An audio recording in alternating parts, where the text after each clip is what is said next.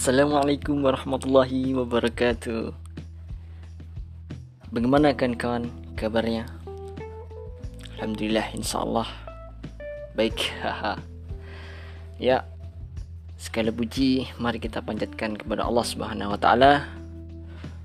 Rob seluruh alam yang mengatur alam semesta. Tak lupa semoga salawat bertakaikan salam selalu tercurahkan kepada junjungan kita Nabiullah Muhammad sallallahu alaihi wasallam.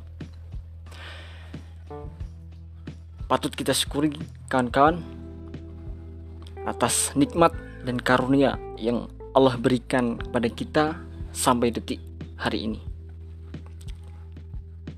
Tentu yang paling penting adalah nikmat iman yang masih Allah berikan kepada kita.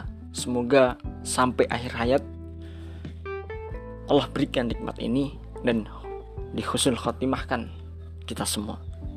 Dimatikan oleh Allah dalam keadaan muslim. Amin.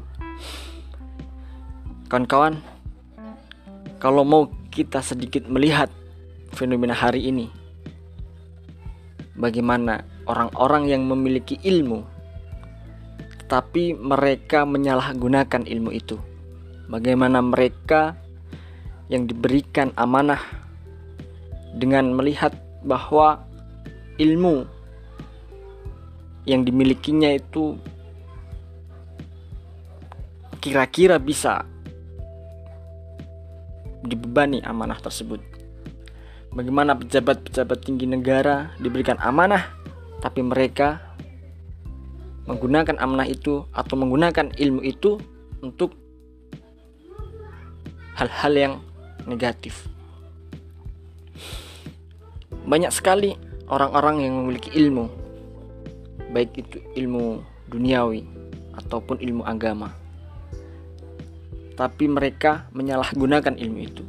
Dan yang paling mengerikan adalah mereka yang memiliki titel seorang ilmuwan atau seorang ulama. Tapi ulama itu tidak menggunakan ilmu itu sebagaimana yang Allah perintahkan. Ulama yang datang kepada para penguasa mereka datang tetap tidak untuk menyerukan yang ma'ruf dan mencegah yang mungkar. Mereka datang kepada para penguasa tidak untuk amal ma'ruf nahi mungkar. Tapi mereka datang untuk melegitimasi membenarkan kezoliman-kezoliman yang telah dilakukan oleh penguasa untuk lebih melanggengkan kekuasaan kekuasaan yang nyata-nyata kekuasaan itu telah berbuat zolim. Dan itu orang atau yang diberikan ilmu diberikan amanah atau ulama yang telah melegalisasi, membenarkan, melegitimasi kezaliman. Kata Rasulullah, ulama seperti itu akan mendapatkan punishment, yaitu lembah kesedihan di neraka. Yang di mana neraka sendiri memohon kepada Allah, berlindung pada Allah dari lembah yang menyedihkan itu, lembah kesedihan.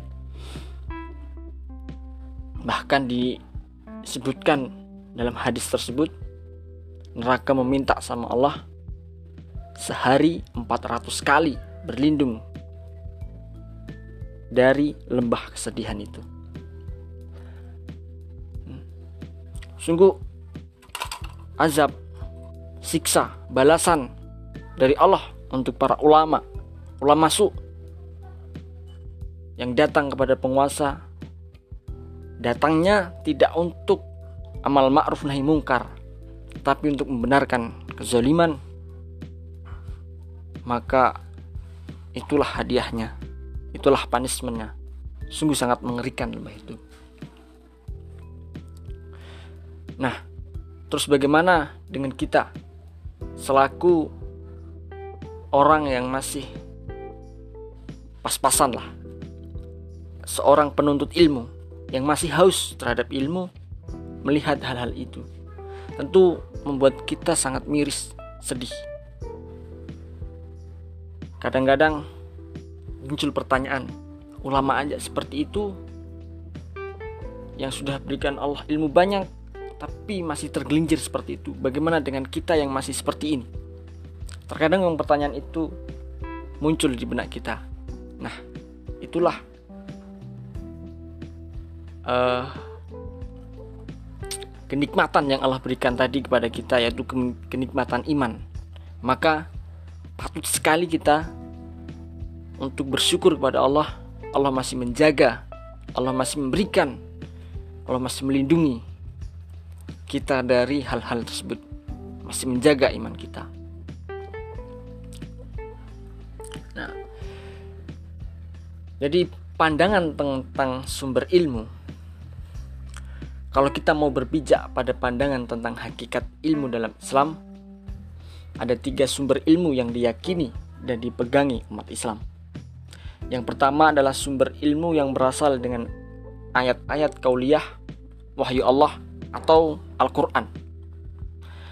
Kemudian untuk sumber ilmu yang kedua adalah terkait dengan ayat-ayat kauniyah, alam semesta.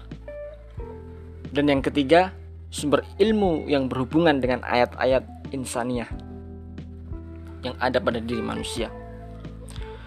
Ayat-ayat di sini dimaksudkan sebagai tanda-tanda kekuasaan Allah yang menjadi tuntutan bagi manusia untuk dikaji secara intensif sehingga dapat dipahami aturan aturan main Allah Subhanahu wa taala yang terdapat padanya agar dapat dimanfaatkan untuk kehidupan umat manusia yang lebih baik. Yang pertama, kita akan ngobrol, kita akan sharing, akan membahas terkait ayat-ayat kauliyat atau ayat kauliyah. Kedudukan Al-Quran sebagai ayat-ayat kauliyah menempati posisi yang sangat strategis bahkan sering kali diposisikan lebih tinggi dibandingkan sumber epistemologi lain yang lazim dipergunakan semisal alam raya yang dikenal dengan ayat-ayat kauniyah ataupun ayat-ayat insaniah. Bahkan kawan, tingkat kesohihannya dipandang lebih dapat diandalkan karena ia merupakan firman Allah Subhanahu wa taala, sang pencipta alam semesta yang menciptakan alam raya dan diri manusia. Keberadaannya juga sekaligus menjadi sumber inspirasi dalam memandang sumber-sumber ilmu lainnya. Karena dalam Al-Quran juga dibicarakan mengenai alam raya beserta proses penciptaannya serta banyak aspek dari kemanusiaannya. Terkait dengan dimensi keilmuan Al-Quran ini kawan, ada dua pandangan umum yang mengemuka. Yang pertama, pandangan yang menyatakan bahwa Al-Quran merupakan sumber pengetahuan ilmiah dan pandangan yang menyatakan bahwa Al-Quran merupakan kitab petunjuk.